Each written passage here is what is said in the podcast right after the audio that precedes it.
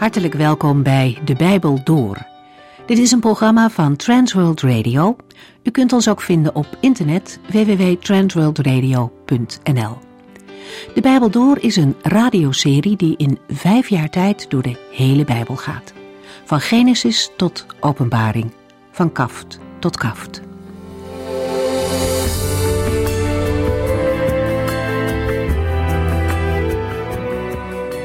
De laatste twee bedevaartsliederen, daar ging het de vorige keer over. De dichter van Psalm 132 herinnert de Heere aan Davids inzet voor hem. David, die gezegd had zelf geen rust te nemen, totdat hij een plaats voor de Heere zou hebben gevonden. David had een groot verlangen om een huis voor de Heere te bouwen.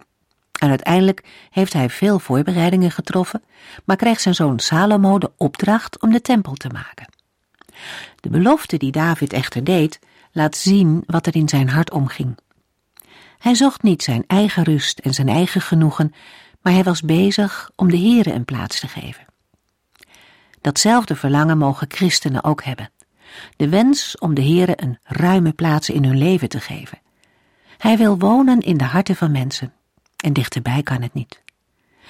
En zoals de psalm allerlei zegen beschrijft voor de stad waarin de Heere woont, zo is er dan ook rijke zegen voor wie de Heere een ereplaats in zijn of haar leven geeft.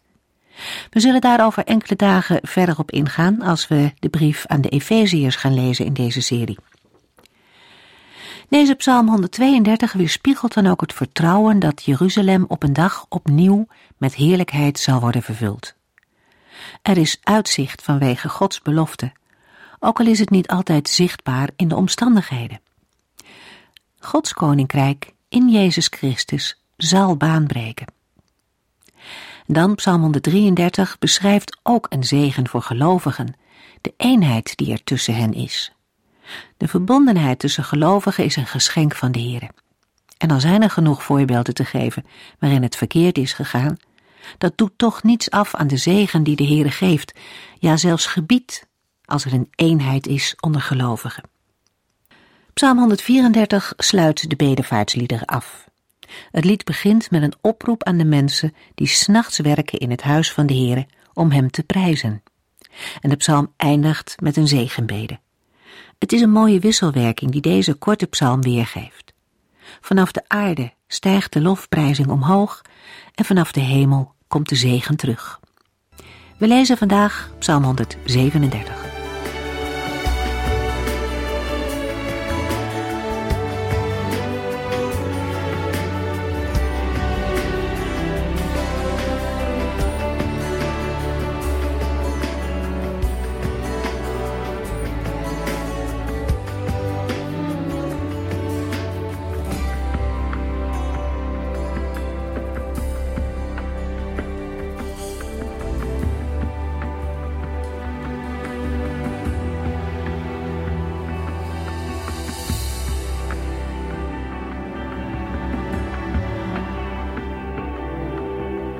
De Septuaginta schrijft deze klaagpsalm, psalm 137, toe aan David, ondanks de latere inhoud, terwijl de Masoretische tekst geen opschrift heeft. Sommige handschriften van de Septuaginta hebben nog de toevoeging door Jeremia, vermoedelijk vanwege de associaties met de felle woorden van Jeremia tegen Edom en Babylon in Jeremia 49 en 50. Psalm 137 eindigt met een wraakgedeelte, vers 7 tot en met 9, dat geïnspireerd lijkt te zijn door Jeremia 51, vers 20 tot en met 24.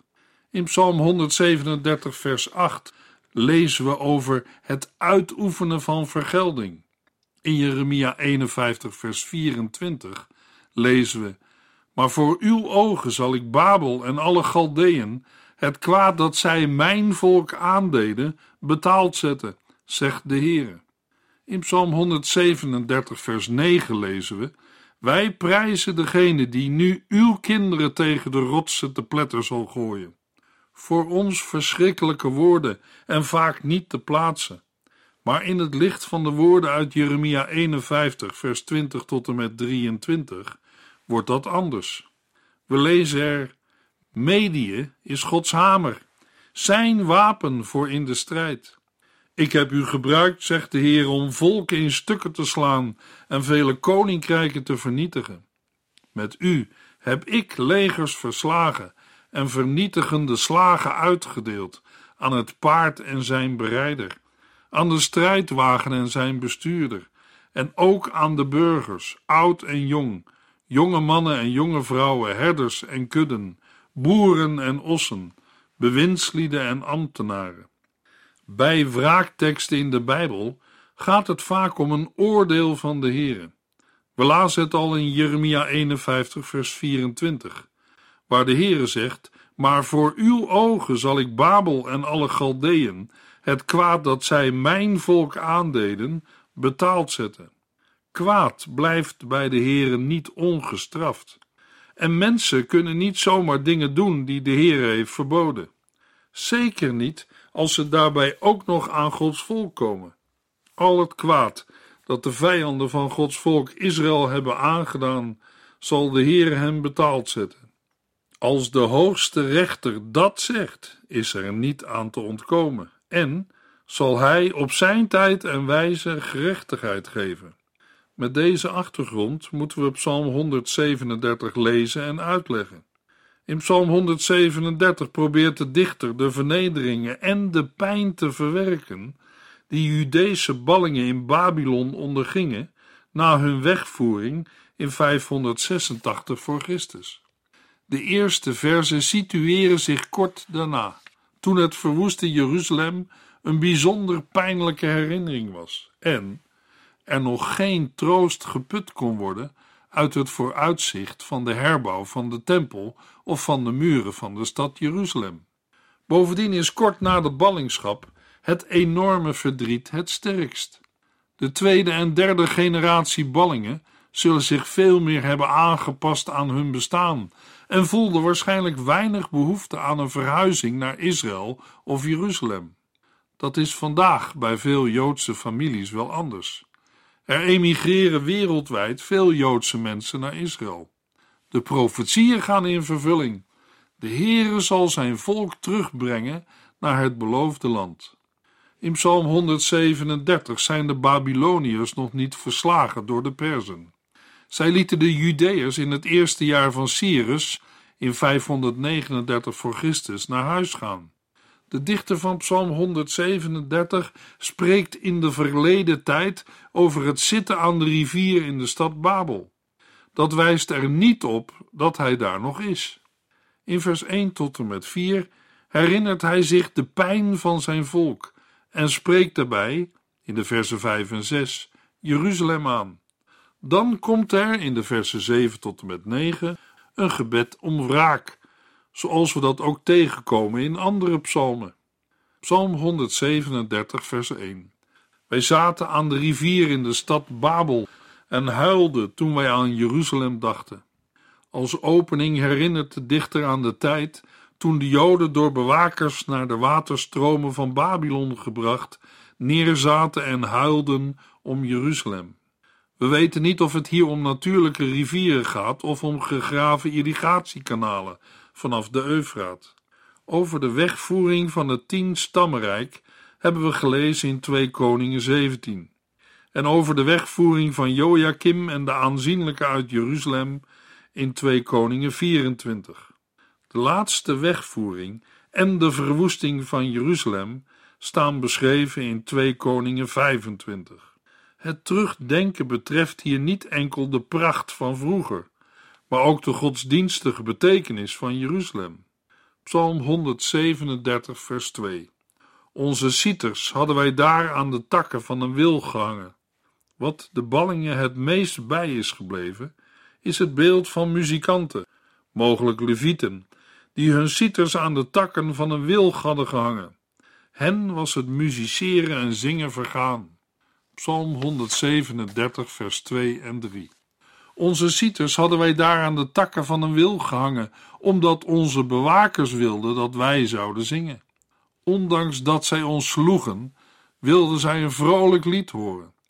Vooruit, zeiden zij, zing eens een lied over Jeruzalem. Het is mogelijk dat het ophangen van de cieters een reactie is op de provocatie van de bewakers. We kunnen de Hebreeuwse woorden ook vertalen met onze bewakers wilden de woorden van een lied en onze beulen wilden vreugde. De woorden zingen een lied over Jeruzalem doet vermoeden dat de Babyloniërs al wisten van een bestaande serie liederen over Sion of Jeruzalem. De ballingen konden geen vrolijke liederen laten horen, want waarom waren zij in Babel? Het antwoord lezen we in Klaagliederen 1 vers 8. Jeruzalem heeft zwaar gezondigd, daarom is hij tot een bespotting geworden. Dat is de reden dat ze in Babel zijn. In die situatie heeft de mens ook geen zin om te zingen. Ze hebben hun kleine harpen aan de wilgen gehangen. Luisteraar, in het leven van een christen kan het soms ook zo donker worden dat je geen puf meer hebt om te zingen. Je voelt je als een balling in een vreemd land. Misschien zeg je het wel mee met Psalm 137, vers 4. Maar hoe kunnen wij nu in een vreemd land een lied voor de Heere zingen? Een vreemd land is voor de Joodse ballingen Babel. Hoe kunnen zij de liederen over de Heere zingen? Over de Heere die over de hele wereld regeert vanuit Jeruzalem, vanuit Sion. Hij is volgens Psalm 93 tot en met 99 de grote koning. Maar de inhoud van die liederen lijkt in tegenspraak met de verwoesting van de stad en de tempel. En natuurlijk, in die vertwijfeling vinden de Babyloniërs het een uitgelezen moment om te provoceren. Vooruit, zing eens een lied over Jeruzalem. Ze weten heel goed dat het zingen de Joden is vergaan, zo ver van huis. Het gaat in deze verse veel meer om de belediging en ontmoediging van de Israëlieten. Zij zwegen niet omdat het verboden was om in Babel te zingen, maar omdat de liederen hen des te meer hartzeer gaven. Het laat ook nog een andere kant zien, namelijk zonden beroven een gelovige van zijn of haar liederen. Zonden blokkeren de lofzang voor de Here. Dan ga je vragen: hoe kunnen wij nu in een vreemd land een lied voor de Here zingen? Toch hadden de Israëlieten beter moeten weten. Eeuwen voor de ballingschap ging het volk Israël door de woestijn, met de slavernij in Egypte achter zich, op weg naar het beloofde land. Bij alle dieptepunten waaruit de Heer hen verloste, hebben de Israëlieten gezongen. Zeker, het begon vaak met een uitzichtloze situatie en een klagen en roepen tot de Heer. Vaak kregen de dienaren van de Heer de schuld van alle ellende. Waren ze maar in Egypte gebleven. Ondanks al die ups en downs heeft de Heere zijn volk geleid en bewaard. Maar na verloop van tijd koos het volk steeds weer eigen wegen en soms ook andere goden. Door hun zonde kwamen ze door eigen schuld in allerlei ellende terecht. Toch liet de Heere zijn volk niet in de steek. Hij gaf een weg van herstel in de weg van berouw en bekering. Luisteraar, laten wij leren van de weg die Israël heeft moeten gaan en nog gaat. Alles wat hen is overkomen is voor ons een voorbeeld, opdat wij de Heere zullen volgen en dienen. Wat is uw en jouw keuze? Kunt u zingen van uw heiland? Soms verliezen mensen hun lied vanwege zonden. U herinnert zich mogelijk het gebed van David in Psalm 51, vers 14. Ik wil zo graag opnieuw de blijdschap over uw redding ervaren. David verloor nooit zijn redding, maar wel de blijdschap ervan. Dat is wat hij de Heere vraagt in zijn gebed. Psalm 137, vers 5 en 6. Mijn rechterhand mag verlamd raken als ik Jeruzalem zou vergeten. Als ik Jeruzalem niet zou bezingen als de mooiste en hoogste stad, zou mijn tong krachteloos in mijn mond mogen liggen. Nadat het trieste tafereel uit de verse 1 tot en met 4 zijn dieptepunt heeft bereikt, kruipt de dichter in de rol van de uitgelachen balling, omringd door spottende bewakers die maar geen genoeg kunnen krijgen van het kleineren van Jeruzalem, denkt hij aan Jeruzalem. Dat verandert de sfeer. Hij geeft antwoord, maar niet aan die bewakers.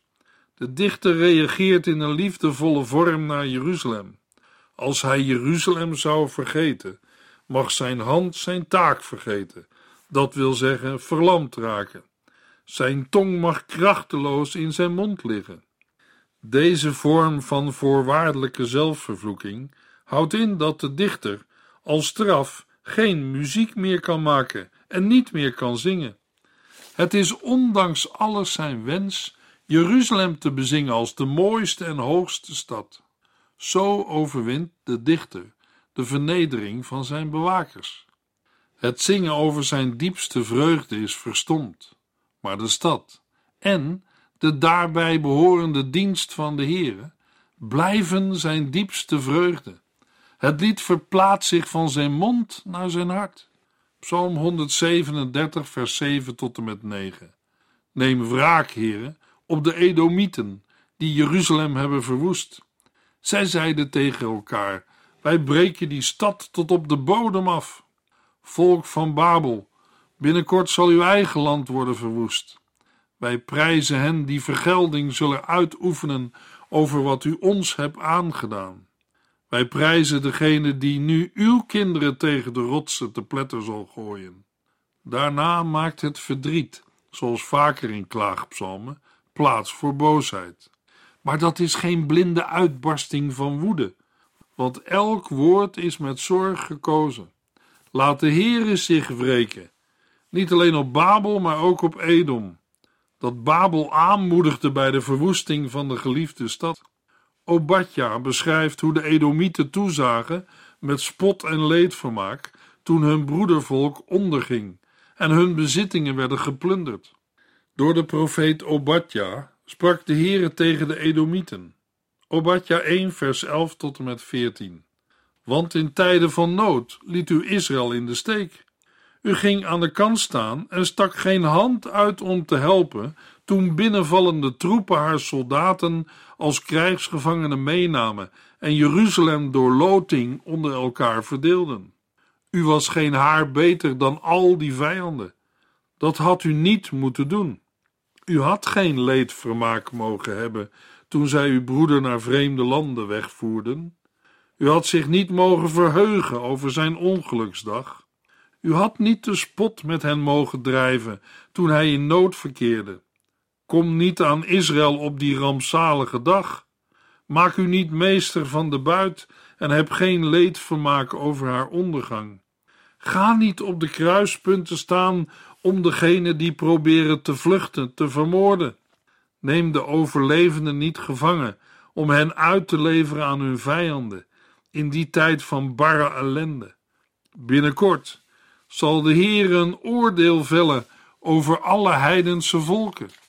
Wat u Israël hebt aangedaan, zal u nu zelf overkomen. U krijgt uw verdiende loon, als de Heere de vernietiging van Jeruzalem vergeldt. Verdient Edom een deel van zijn toren. Babel zal binnenkort worden verwoest. Het verdient te worden behandeld zoals het zelf heeft gehandeld, tot het gewelddadig doden van kleine kinderen toe. Is het rechtvaardig om te wensen dat kleine Babylonische kinderen tegen de rotsen te pletter worden gegooid? Zeker, het sluit aan bij de profetie van Jezaja, maar het blijven schrikbarende woorden. Helaas is het doden van zuigelingen en kleine kinderen een oorlogstactiek die tot de zwarte bladzijde van de oudheid en de hele geschiedenis van de mensheid behoort. Het gebeurde meestal om te voorkomen dat de volgende generatie wraak nam. In de Bijbel werd dit nooit uitgevoerd door Israël, maar wel tegen Israël, namelijk bij de inwoners van Samaria. We kunnen ook de kindermoord in Egypte noemen.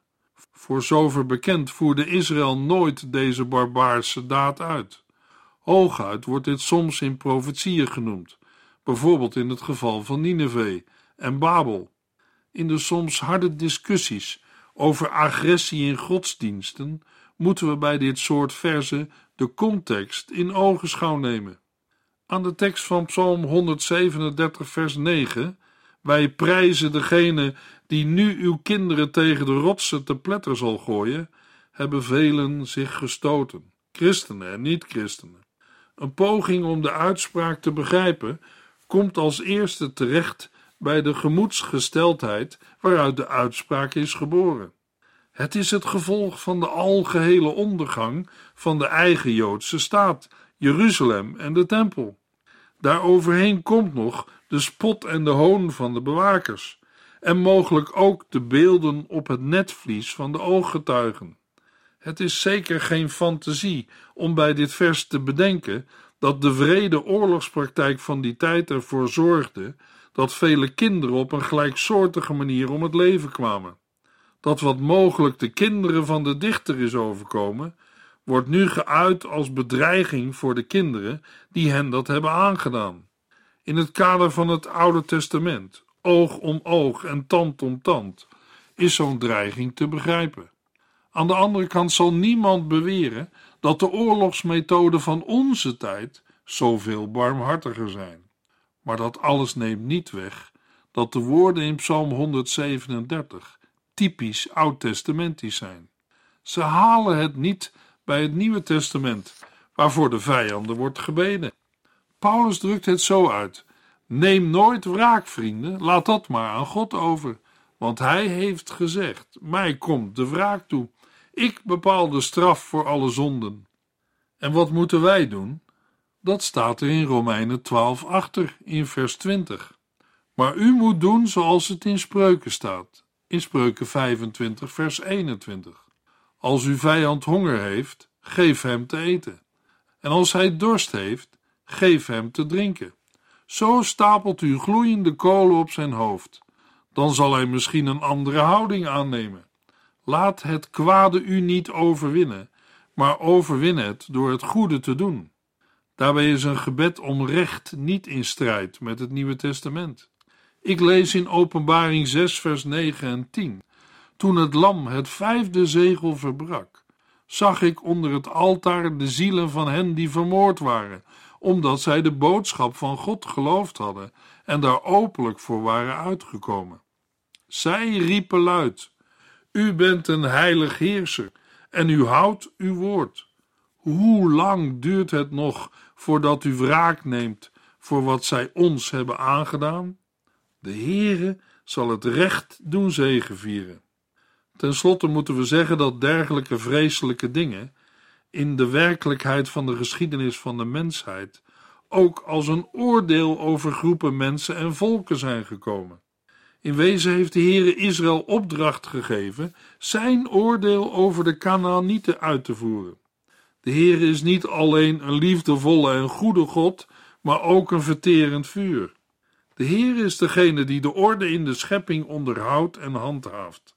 Daarbij zal hij ook zorgen voor de afstraffing van onrecht en voor het belonen van recht. Er zijn situaties waarbij dat volgens onze menselijke waarneming niet of niet direct gebeurt. Eén ding is zeker: er komt een dag dat de Heere achter alle dingen een punt zet. In Spreuken 20, vers 24 lezen we: De Heere bepaalt het leven van de mens. Dus hoe zou de mens zijn levensweg kunnen begrijpen? De opname van Psalm 137 in het Psalmboek geeft aan dat de dichter niet alleen een persoonlijke uiting van verdriet en van behoefte aan vergelding verwoordde, maar dat de woorden ook door latere generaties gezongen mogen worden. Het lied is een reactie op extreem geweld. In die omstandigheden klinkt geen oproep tot haat, maar klinkt het verlangen naar Gods trouw aan zijn verbond. Daarbij beroept de dichter zich in feite op de wet van de gelijke vergelding: oog voor oog, tand voor tand. Deze maatregel is bedoeld om een billijke strafmaat aan te geven en om escalatie van geweld, zoals bij Lamech in Genesis 4, te voorkomen. In Psalm 137 wordt het recht niet in eigen hand genomen, maar in gebed bij de Heere neergelegd.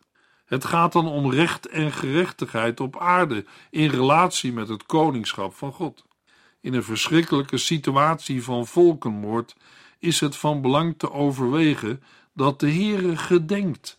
Dat wil zeggen dat hij de onrechtvaardigheden in herinnering houdt en op zijn tijd recht zal doen.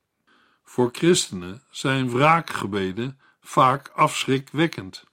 Toch behoort het tot de oudste levenslessen van de mensheid dat ongestraft kwaad kan leiden tot een spiraal van geweld en van ongecontroleerde vergelding. Het is opmerkelijk dat de oproep van Paulus om afstand te nemen van wraak ook inhoudt het oordeel in Gods hand te leggen. Direct daarna volgt een passage over de straffende overheid. Er is verschil tussen een persoonlijke context en die van de rechtspraak. Elk mens die onrecht ervaart, hoopt op recht. Maar welke rechter kan dat verschaffen? De huidige internationale tribunalen proberen bij grootschalig leed recht te spreken. Maar deze waren er in de oudheid niet. In de Joodse traditie wordt Psalm 137 met het Bijbelboek Klaagliederen gebruikt op de vooravond van de herdenkingsdag van de verwoesting van de tempel. Jezus leefde in een maatschappij die onder internationale druk stond, wat resulteerde in geweld en wrevel. Ook het brute verschijnsel van kindermoord was hem niet vreemd, omdat die in zijn jeugd plaatsvond in opdracht van Herodes. Als een van de weinigen ontsnapte hij eraan. Later voorzegde hij dezelfde gewelddadige dood voor kinderen van Jeruzalem. Maar in tegenstelling tot alle andere leiders riep Jezus op tot liefde en gebed voor vijanden. Dat was zo revolutionair dat wij hier een belangrijk verschil met het Oude Testament moeten vaststellen. Maar zijn oproep tot liefde gaat verder dan emotioneel intelligent met de tegenstander omgaan. Jezus' overwinnende liefde gaat door, zelfs als de tegenstander vijandig zou blijven. In de persoonlijke sfeer roept Jezus op tot liefdevol handelen en vergeving. Maar er is ook de sfeer van het recht. Jezus' liefde hield zeker geen straffeloosheid in. Meermalen sprak hij over het eeuwige oordeel. Paulus verwondert zich dat door de dood van Gods zoon vijanden tot vrienden zijn geworden. Maar daarvoor moest wel het oordeel aan Jezus Christus worden voltrokken. God heeft immers zijn eigen zoon niet ontzien, maar hem uitgeleverd ten behoeve van ons allemaal. In de volgende uitzending lezen we Psalm 138 en 139.